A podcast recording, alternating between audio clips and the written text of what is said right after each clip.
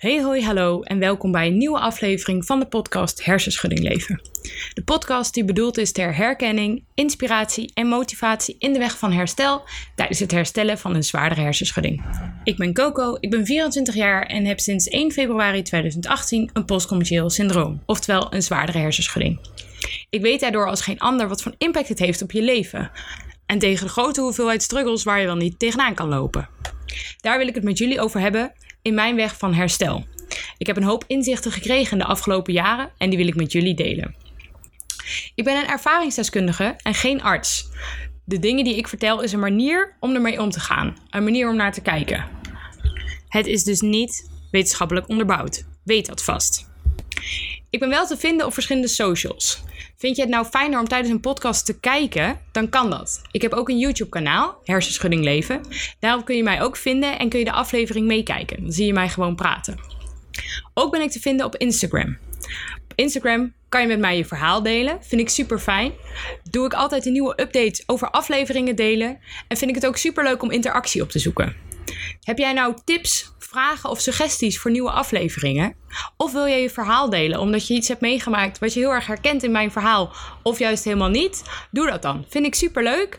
Mijn account op Instagram heet ook Hersenschudding Leven. Dus laat dat vooral op even weten. Nou, dan wordt het nu tijd om te beginnen met de podcast. Hey hoi, wat leuk dat je weer luistert naar een nieuwe aflevering. Ten eerste wil ik nog even zeggen de allerbeste wensen, want we zitten natuurlijk in het nieuwe jaar 2021. Ik hoop dat dit een beter jaar wordt dan vorig jaar. Al moet ik zeggen dat ik ondanks de hoeveelheid corona-gedoe van afgelopen jaar, ik het best een fijn jaar heb gevonden. Omdat er wat meer rust was in het leven en wat minder overprikkeling. Dat vond ik heel prettig. Ik hoop dat jij dat ook zo hebt ervaren. En ik hoop dat het nieuwe jaar een beter jaar wordt dan afgelopen jaar.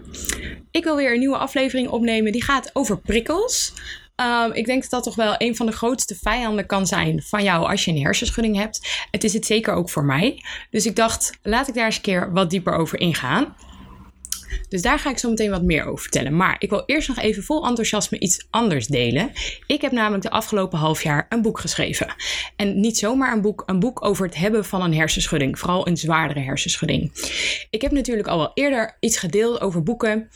Um, en een van de boeken die ik bijvoorbeeld heb gelezen is Hersenschorting van Margot Ros. Ik vond dat een super fijn boek, omdat ik daar ook mezelf in herkende. Maar ik miste nog het een en ander en dat heb ik nu zelf opgeschreven. Het is een autobiografisch boek, wat betekent dat het echt over mij gaat en over wat ik heb meegemaakt. Maar wat hier nou nieuw aan is en misschien ook wel wat heel fijn kan zijn voor jou om te lezen, is dat ik echt de emotie erin heb gegooid. Ik heb in ieder hoofdstuk een bepaalde emotie erin gegooid die ik heb meegemaakt tijdens het hebben van een zwaardere hersenschudding. En dan vooral in het begin. Dus de emotie als wanhoop, frustratie, angst, woede, jaloezie, eenzaamheid. Al die dingen komen echt enorm terug. Ook verdriet, verlies. Ik ben heel erg ingegaan op de emoties die je voelt en wat er vooral in je hoofd omgaat. Omdat ik toch merk dat het een periode is geweest die heel lastig is om uit te leggen aan mensen. Um, het is ook een periode waarin je gewoon niet altijd goed kan verwoorden wat er door je heen gaat, omdat je gewoon één, niet eens altijd weet wat er door je heen gaat, maar ook omdat er zoveel aan de hand is in die hersenen wat je maar niet kan verwerken, waardoor het gewoon nog lastiger wordt om het ook aan de omgeving uit te leggen. Um, ik denk dat dit boek niet alleen interessant is voor jou, maar ook voor eventueel je naasten. Ik merk dat tijdens het schrijven van dit boek en ik ook um, hoofdstuk heb gedeeld met mijn naasten, dat ik echt verhalen terugkrijg van wow, ik wist niet eens dat ik dat je dat hebt meegemaakt. Mensen hebben het idee dat ze me nu een stuk beter kennen, maar ook snappen waarom ik bepaalde dingen wel of niet doe. Um, ze snappen ook mijn keuzes van nu. Als ik nu nee aangeef, snappen ze dat veel beter. En veel meer waarom. Ze zijn veel meer begripvol. Ze snappen veel meer ja, waar ik doorheen ga en ben gegaan. En ik denk dat dat voor jou een hele grote toegevoegde waarde kan zijn. Het boek heet Vallen en Opstaan en is over drie weken te koop. Ik zal het delen via mijn Instagram. Maar ik wil in ieder geval alvast heel even de achterkant voorlezen, zodat je een kleine indruk krijgt hoe het gaat zijn. Um, even kijken. Vallen en opstaan. Auto's razen aan mij voorbij. Gek hoeveel impact dat kan hebben op een menselijk brein. Ik heb daar nooit bij stilgestaan. Nu ga ik er letterlijk van stilstaan. Op straat lopen is vermoeiend. Mijn hersenen beschouwen het als een gevarenzone. Ik moet kunnen inschatten of ik veilig, veilig en recht blijf lopen. En of ik mij aan de verkeerdregels houd. En of dat ik niemand tot last ben doordat ik meer tijd nodig heb om het verkeer te overzien. Tegelijkertijd vecht ik ook tegen mijn lichaamssignalen. 1 februari 2018. De nacht die alles veranderde. Mijn leven werd beheerst door een hersenschudding. Een monster die mij elke minuut van de dag herinnerde aan de hoeveelheid prikkels die op je afkomen. Waardoor normaal functioneren eigenlijk onmogelijk werd. Hoofdpijn, duizeligheid, overprikkeling, vermoeidheid, een kapot geheugen en concentratie, angst, frustratie, onzekerheid en eenzaamheid. Lange tijd was dit mijn werkelijkheid. Dit boek is een waargebeurde greep uit emotionele rollercoaster in de eerste anderhalf jaar van mijn herstel. Nou, daar gaat het boek dus over.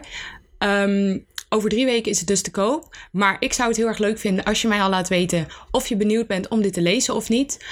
Um, en verder, ik hou jullie up-to-date. De volgende aflevering zal wat meer gaan over het boek. Omdat ik echt denk dat het jou en je naasten heel erg kan gaan helpen. Dus daar meer over. Maar laat me het weten via Instagram. Vind ik namelijk super leuk. Ik ben namelijk super trots op het feit dat ik dit heb geschreven. Maar ik vind het ook gewoon super spannend dat het uit gaat komen. Dus ben je nou benieuwd naar? Laat het me alsjeblieft weten. Um, dan wil ik nu verder gaan met de aflevering. De aflevering over prikkels. Want, nou ja, zoals ik net al een beetje uitlegde, prikkels. Prikkels kunnen voor mij echt de grootste vijand zijn.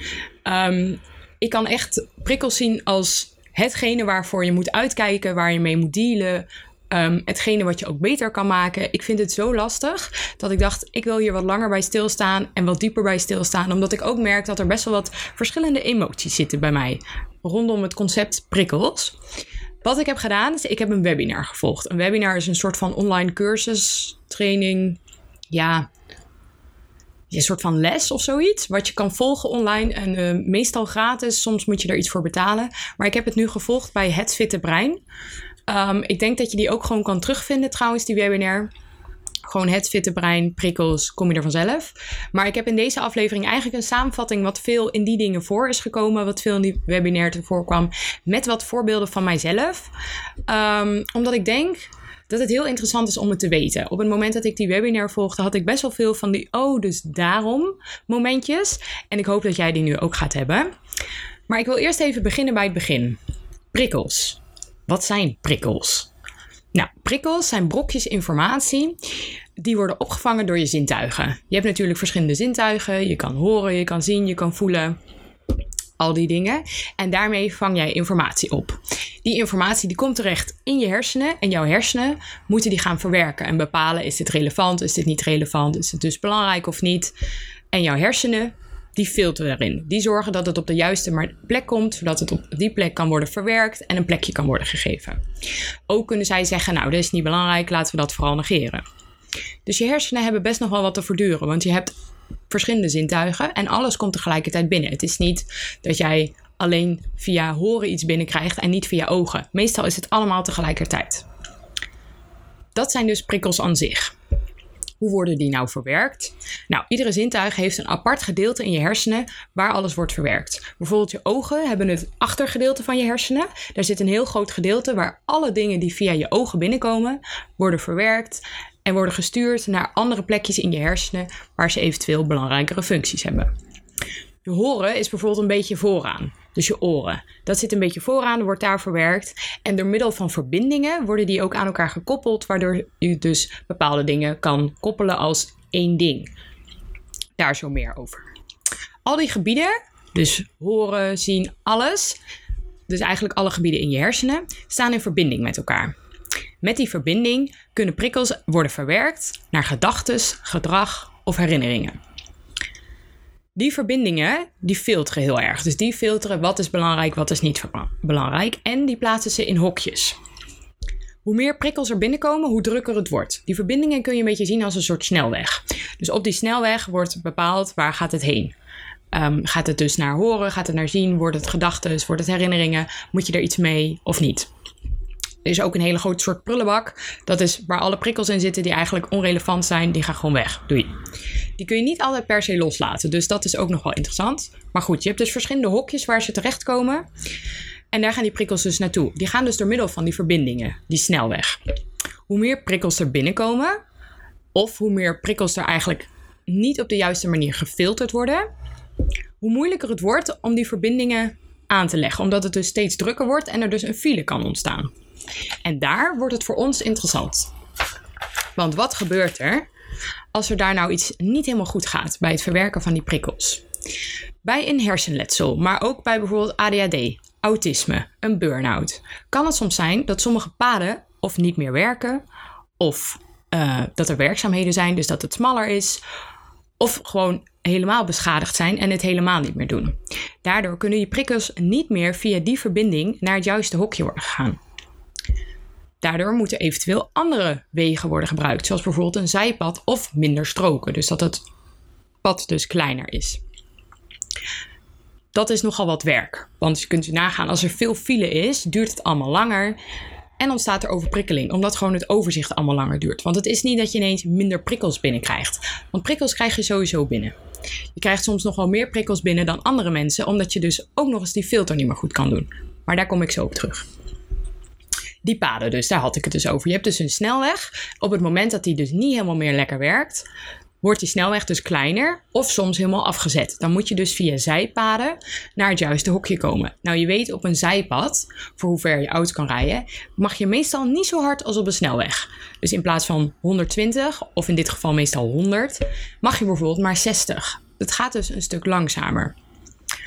Het kan dus zijn dat het daardoor veel langer duurt voordat er in het juiste hokje is. Waardoor het ook veel langer duurt voordat het gefilterd van is dit belangrijk of niet? Welk hokje moet het? En wanneer is het in dat hokje? Dat kan dus allemaal veel langer duren. En dan krijg je dus een vertraging van informatieverwerking. Het duurt dan veel langer voordat er overzicht is. Welke prikkel is belangrijk? Naar welk hokje moet die? En het duurt ook nog veel langer voordat jij kan reageren. Want je bent ze komen niet altijd meteen aan. Waardoor je hersenen eigenlijk veel meer te verwerken hebben. Er komen superveel prikkels binnen. Ze kunnen ze niet allemaal verwerken. Overal ontstaat file, waardoor er dus overprikkeling is, waarop je soms ook nog moet reageren. Want als jij bijvoorbeeld buiten bij het verkeer loopt, is het wel belangrijk dat jij weet of je wel of niet kan oversteken. Dus dat kan allemaal wat vertraging opleveren. Nou, je hersenen die zijn eigenlijk best wel een beetje lui. Ze hebben zoiets van: ik wil alleen aangaan als het nodig is. Dus als een prikkel nieuw is, relevant is en belangrijk is om daarop te reageren. Oké, daarvoor hebben je hersenen verschillende mechanismes. Die mechanismes die kunnen een soort van filteren. Waarvoor is iets belangrijk? Waar moeten prikkels naartoe? Hoe gaan we ervoor zorgen dat we zo min mogelijk hoeven te werken? Dat zijn eigenlijk je hersenen. Op het moment dat jij een hersenletsel hebt, kan het zijn dat die mechanismen niet helemaal meer lekker werken. Soms kan het ook zijn dat alle drie die mechanismen niet helemaal lekker meer werken. Ik vond het heel interessant om over die mechanismes te horen. Dus ik ga er rustig doorheen, omdat ik denk dat het voor jou ook wel interessant kan zijn.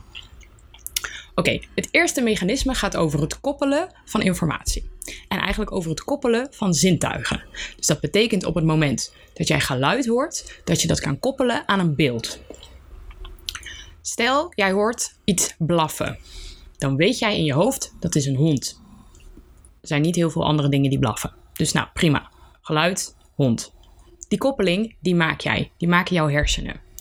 Wat nu wel kan zijn, is doordat het vertraagde informatie is, is dat jij bijvoorbeeld het geluid hoort, maar dat jouw hersenen niet meteen koppelen dat jij dat dat een hond is.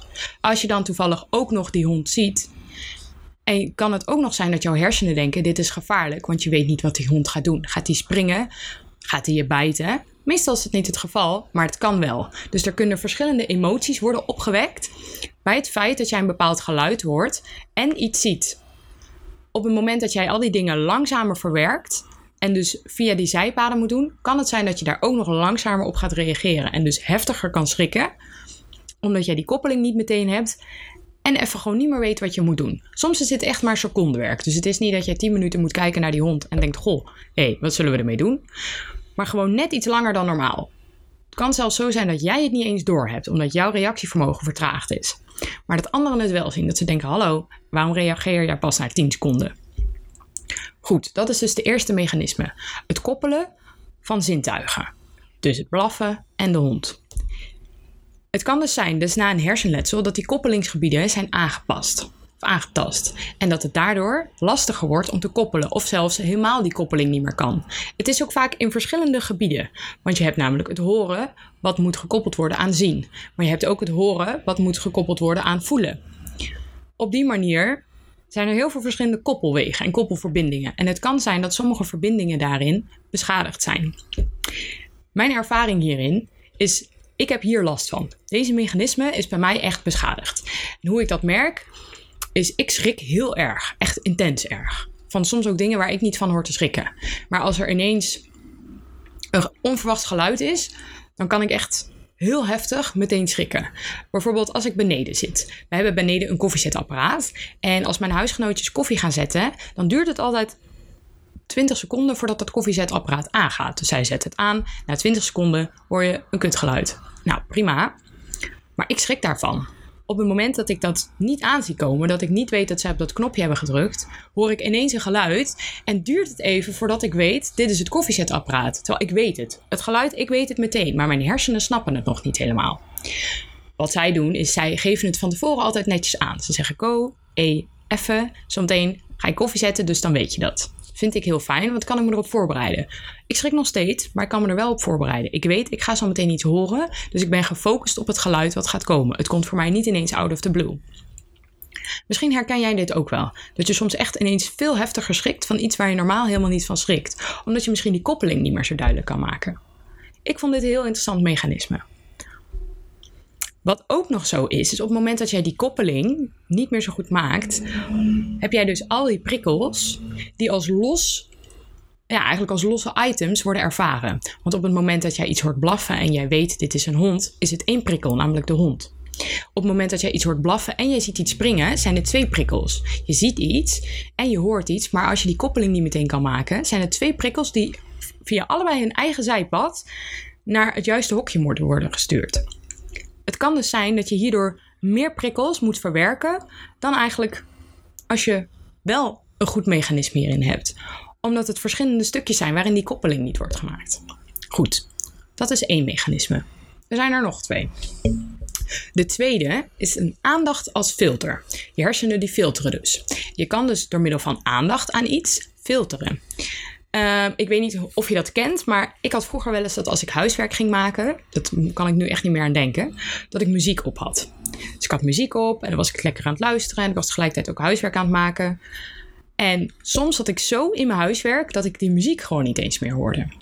Of soms ben je zo gefocust op bepaald geluid dat je ander iets helemaal niet meer hoort.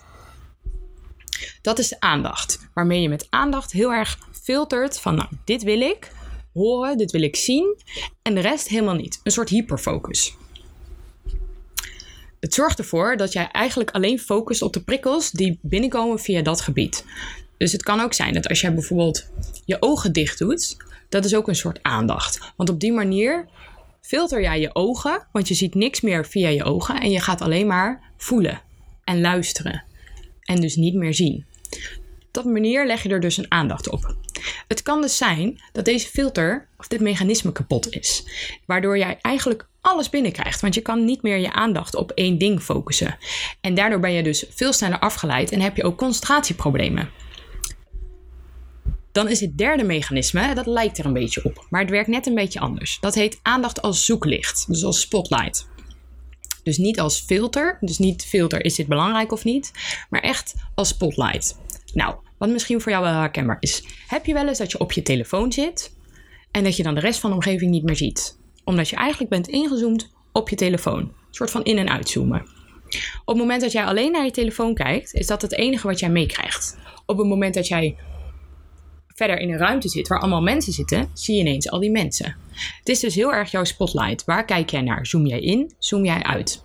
Het kan zijn dat je, als jij een hersenletsel hebt, dat er een storing zit in dit mechanisme en dat het moeilijk is om daarin je spotlight te verkleinen of te vergroten. Vaak is die groot en vind je het lastig om die te verkleinen. Op het moment dat die groot is, krijg je alles binnen. Je ziet alles, je hoort alles.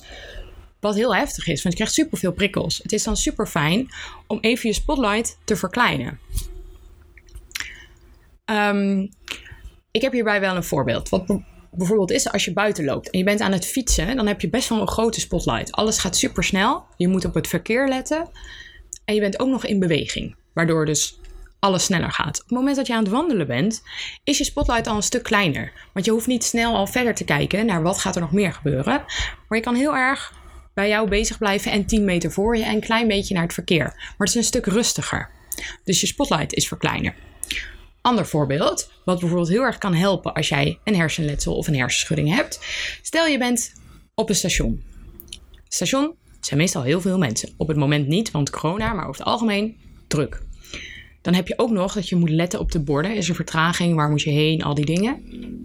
Dat zijn eigenlijk superveel prikkels die je moet verwerken. Ook heb je altijd zo'n stomme omroeper. Welkom bij de bladibla. Dan heb je ook nog dat ze daarin gaan uitleggen. Daar moet je ook op letten. Je moet op zoveel dingen tegelijk letten. Dat je spotlight is super groot. Wat heel erg kan helpen daarin, is verkleinen. Is als bijvoorbeeld iemand naast jou loopt en je zorgt dat die gewoon alles in de gaten houdt. Die zorgt ervoor welke trein je moet hebben. Die let op waar je moet instappen en weet ik veel allemaal. Dan kan je jouw spotlight verkleinen. Want jij hoeft alleen maar op één iemand te focussen. En diegene, die vangt alles op. En die heeft gewoon een functionerend mechanisme die wel zijn spotlight zo kan vergroten en dat wel allemaal duidelijk kan filteren, waardoor het veel makkelijker is. Dus een tip: zorg dat je gewoon altijd iemand bij je hebt. Die regelt het voor je. Um, want daardoor verklein je dus je spotlight. Nou, dit zijn eigenlijk de drie mechanismen. Nou kan het zijn dat jij last hebt van één mechanisme, of twee, of drie, of dat de ene mechanisme wat meer is aangetast dan de ander. Maar het zijn wel mechanismes die je hersenen verwerken om prikkels dus wel of niet relevant te laten worden. En als jij snel overprikkeld bent, zal er meestal in één van die mechanismes of in alle drie een storingje zitten, waar eventueel wegwerkzaamheden zijn of de hele weg is afgezet.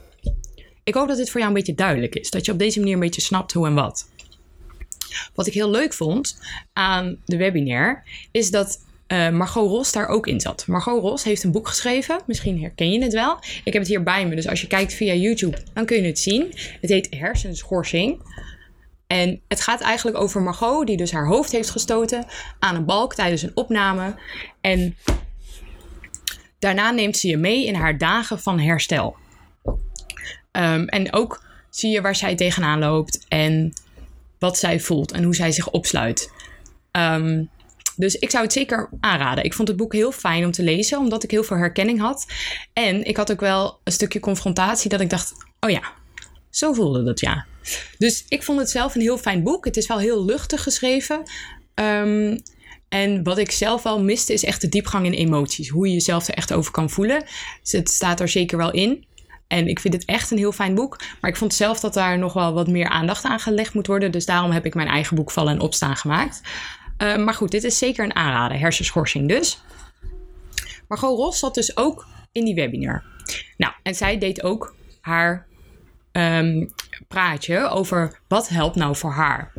En ze had het heel erg over overprikkeling. Want als al deze mechanismes dus niet helemaal lekker werken, dan heb je veel te maken met overprikkeling. Iets waar wij dus heel veel mee te maken hebben als je een hersenschudding, wow, sorry, hebt. En het feit is dan dat je motor maar aanblijft. Je hersenen blijven maar gaan, blijven maar dingen moeten verwerken en krijgen gewoon die rust niet. Omdat ze gewoon heel moeilijk vinden om alles via goede wegen te laten leiden. Wat fijn is, is je hersenen kunnen zichzelf vernieuwen. En dat betekent dat als sommige paden het niet doen, ze nieuwe paden kunnen aanleggen. Dit kost veel energie, is rust voor nodig en tijd. Maar goed, dat kan dus. Dus het kan soms zorgen dat je hersenen beter gaan werken. Of dat die mechanismen op een andere manier, via andere paden, weer hun ding gaan doen. Maar goed, dan moet je wel voor zorgen dat je hersenen voldoende rust hebben en voldoende energie om die paden te maken. Nou, wat voor haar heel erg hielp om hier een soort van balans in te creëren, was mediteren. En zij vertelde dat ze bijvoorbeeld, als zij echt een druk iets had, dan ging ze na in een park zitten en dan had ze zo'n noise cancelling koptelefoon op. En dan had ze iets voor haar ogen en dan ging ze gewoon liggen en dan ging ze mediteren in het gras. Ze was in de natuur, ze kreeg frisse lucht en op die manier kon zij helemaal tot rust komen. Ook bij het maken van haar opname, zij is actrice, um, kon zij zich af en toe helemaal terugtrekken in bepaalde ruimtes waar dan helemaal niemand was. Even geen prikkels, koptelefoon op, even helemaal terugtrekken tot jezelf. Om je hersenen even de tijd te geven om de prikkels die zijn verwerkt, rust te geven. En even een plekje, zodat er niet de hele tijd constant prikkels binnenkomen. Dus misschien kan dit voor jou wel een tip zijn. Isolatie, maar juist bezig zijn met een activiteit en daarna rust nemen. Om je prikkels even te verwerken. Want die moeten dus, die hebben gewoon een omweg. Dus dat duurt allemaal wat langer.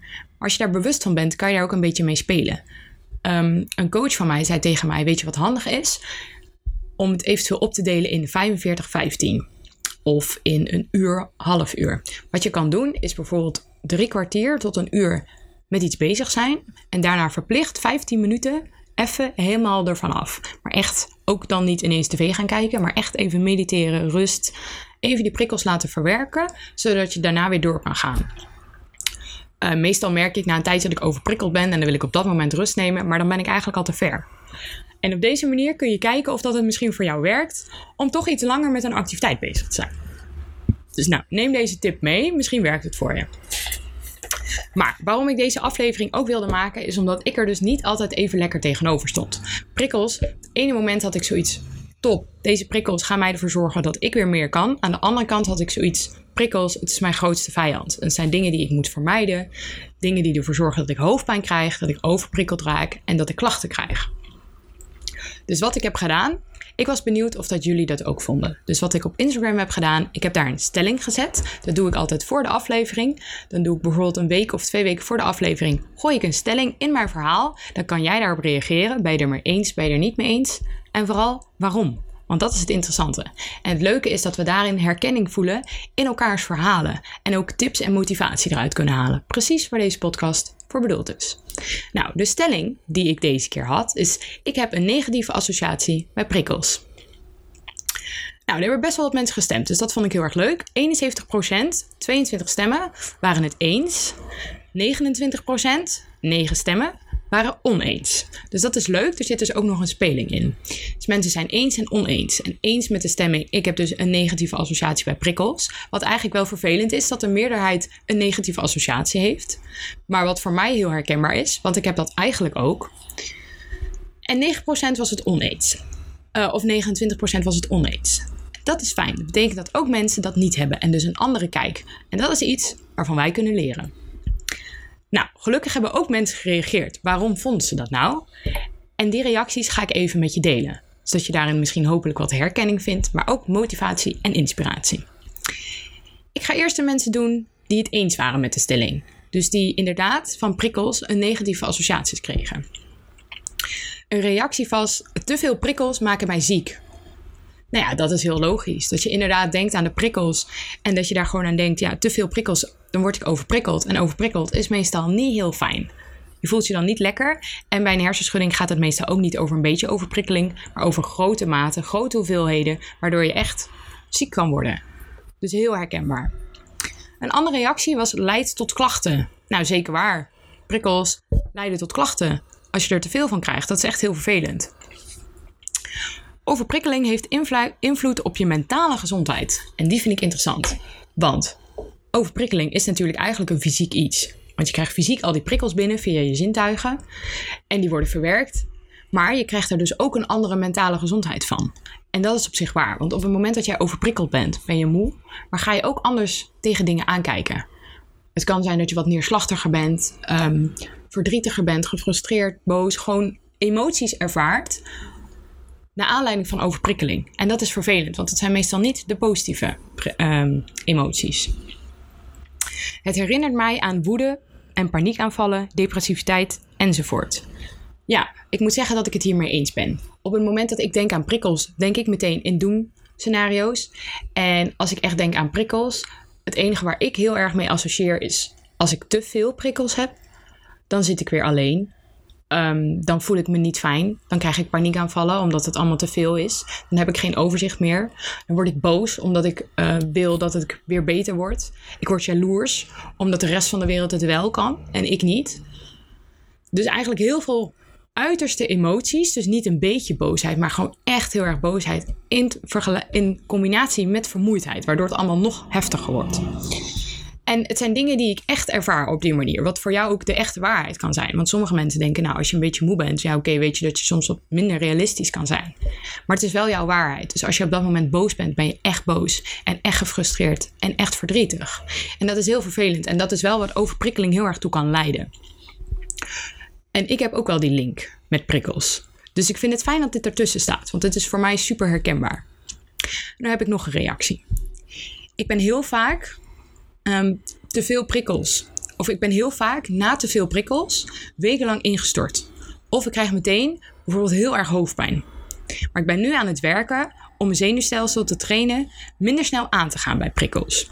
En te werken aan minder zwart-wit denken, waardoor ik negatieve associaties bij prikkels wat minder ga hebben. Kijk, dat is dus heel goed. Dan ben je er dus mee aan het werk om die mechanismen beter te laten werken. En die kun je dus trainen. Nou, dat is heel fijn, want dat is wat we willen. En dat is onder, uh, onder andere ook wat meditatie kan doen. Het kan je helpen om prikkels sneller te verwerken, maar ook dus om die verbindingen te maken. En die verbindingen zijn heel belangrijk in ons herstel. Want door nieuwe verbindingen gaan die mechanismen beter werken en worden wij beter.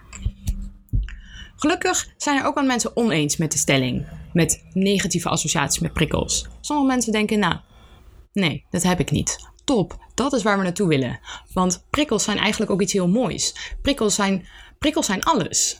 Prikkels is muziek, prikkels is eten, prikkels is een lekkere warme douche, prikkels is het bijzijn en liefde van mensen, prikkels is een knuffel, prikkels is eigenlijk heel veel mooie dingen. Ook het kijken naar mooie kleuren, het, het voelen van bepaalde emoties, het zien van een zonsondergang. Een, ik romantiseer het nu waarschijnlijk misschien een beetje te veel, maar prikkels kunnen hele mooie dingen doen. En prikkels kunnen ons trainen. Prikkels kunnen ervoor zorgen dat wij steeds een beetje meer kunnen. Dus het is heel fijn dat mensen het ook oneens zijn met de stelling. En daar heb ik ook twee reacties bij gekregen. Er zijn toch ook een hele hoop positieve prikkels, zegt iemand. Um, focus op het juiste. Want wat je aandacht geeft, dat groeit. En dat is wel waar. Als jij een growth mindset hebt, dus heel graag wil groeien, dan ga je heel anders naar prikkels kijken. Want zij gaan jou vooruit helpen. En zij gaan ervoor zorgen dat jij straks meer kan dan dat je nu kan. Op die manier klinkt het wel een beetje leuker. Iemand anders is het er niet mee eens, omdat je hier duidelijk, uh, omdat prikkels helpen met duidelijke uitleg. Bijvoorbeeld dat iets te veel prikkels geeft. Je kan heel erg duidelijk categoriseren. Het is nu nog geen jeukwoord, maar misschien komt dat nog. dat is wel grappig. En dat is ook wel waar. Prikkels geven je een soort handleiding en een soort leidraad. Je weet een beetje hoeveel bepaalde prikkels wat kan zijn. Of nou ja, dit is een aanname. Want ik weet het ook nog niet altijd. Maar wat je wel bijvoorbeeld weet, is dat wandelen in een bos een stuk minder prikkels is dan buiten meedoen aan het verkeer of een film kijken. Op die manier kun je een soort handleiding en een soort leidraad voor jezelf vasthouden van nou, welke kant moet ik op? Hoeveel prikkels kan ik hebben? En waar kan ik aan vasthouden? En wat kan ik gaan groeien? Op die manier een soort inzicht zorgt ervoor dat je steeds een beetje meer overzicht krijgt en een beetje kan gaan groeien. Dus op die manier zijn prikkels weer een positief iets. En dat vind ik heel mooi. Nou, dit waren alle reacties van iedereen. En ik moet zeggen dat het mijn ogen wel een beetje. Mijn, het heeft mijn blik wel een beetje vergroot. Hoe noem je dat? Volgens mij vergroot omdat ik inderdaad ook wel veel negatieve associaties heb bij prikkels, maar ook weet dat het me gaat helpen. En ik denk dat als ik wat minder negatief tegenover prikkels aan ga staan, daar ik er dus ook wat minder negatief op ga focussen. En ik niet heel erg de bevestigende reactie krijg van zie je wel weer, ik heb te veel gedaan, maar wel meer in oké, dit is mijn grens. Ik ben al tot zover gekomen. Top we komen nu straks weer een beetje verder. En ik weet dat ik nu wat rust moet nemen. En ik weet welke prikkels ik nu eventjes moet vermijden om ervoor te zorgen dat ik straks weer wat meer kan. Als ik op die manier dan nou kan gaan kijken, kan ik het veel leuker zien als een les. En veel meer als, ja, zoals ik eigenlijk net zei, zoals een les en niet als een fout. Want ik zie vaak overprikkeling als een fout. Ik heb te veel gedaan. Terwijl dat is negatief ernaar kijken. En het positieve is eigenlijk, ik heb mezelf weer getraind. En het is niet altijd chill om alleen maar te focussen op het trainen en het verbeteren van jezelf. Maar we willen gewoon heel graag beter worden. En om beter te worden is het belangrijk dat we dus nieuwe paden aanmaken. En dus een beetje gaan spelen met prikkels. En maak prikkels dan ook leuk. Want als je weet dat prikkels zijn er sowieso. En die moet je sowieso verwerken. Punt. Kies dan voor de leuke prikkels. Als jij een negatieve associatie hebt met prikkels, zorg er dan voor dat je alleen maar leuke prikkels binnenkrijgt. Nou, dat kan natuurlijk niet. Maar zorg wel dat jij van een bepaalde hoeveelheid wel leuke prikkels binnenkrijgt. Als jij per dag, ik zeg maar wat, 35 prikkels kan hebben, zorg ervan dat er in ieder geval 10 zijn waarvan je denkt, maar deze waren wel leuk. Dus dan is de manier van trainen ook leuker. En misschien ga je dan ook wel positiever naar prikkels kijken. En niet alleen maar van het is te veel, maar meer van het is mooi en het is leuk. Oké, nou, dit was eigenlijk mijn aflevering. Dit is waar ik het over wilde hebben. Ehm, ik hoop dat je het interessant vond. Ben je nou benieuwd naar het boek? Laat het mij alsjeblieft weten, want ik heb echt heel veel moeite gedaan om dit boek te schrijven. En ik ben gewoon heel erg benieuwd wat mensen ervan gaan vinden. Dus ben je daarnaar benieuwd naar? Laat het me weten, alsjeblieft. Ik vind dat echt super leuk. En dan anders zou ik zeggen, tot de volgende keer. Oké, doei doei! Dit was het weer voor deze keer. Ik hoop dat je het interessant vond en dat je het leuk hebt gevonden. Vond je nou iets herkenbaar of heb je juist iets totaal anders ervaren? Laat het me dan weten via Instagram. Dat vind ik echt super leuk. Het account was Hersenschudding Leven. Luister jij via Apple Podcast of iTunes, dan heb ik nog een laatste vraag voor je. Door middel van de sterren kun je daar aangeven hoe hoog een podcast in de ranking komt. Hoe hoger de podcast in de ranking komt, hoe meer mensen de podcast kunnen vinden. Dan kunnen meerdere mensen zich herkennen in de afleveringen en zo kunnen we elkaar allemaal een stukje helpen. Als je dat voor mij nog zou willen doen, vind ik je echt een topper. Oké, nou, tot de volgende keer. Doei doei!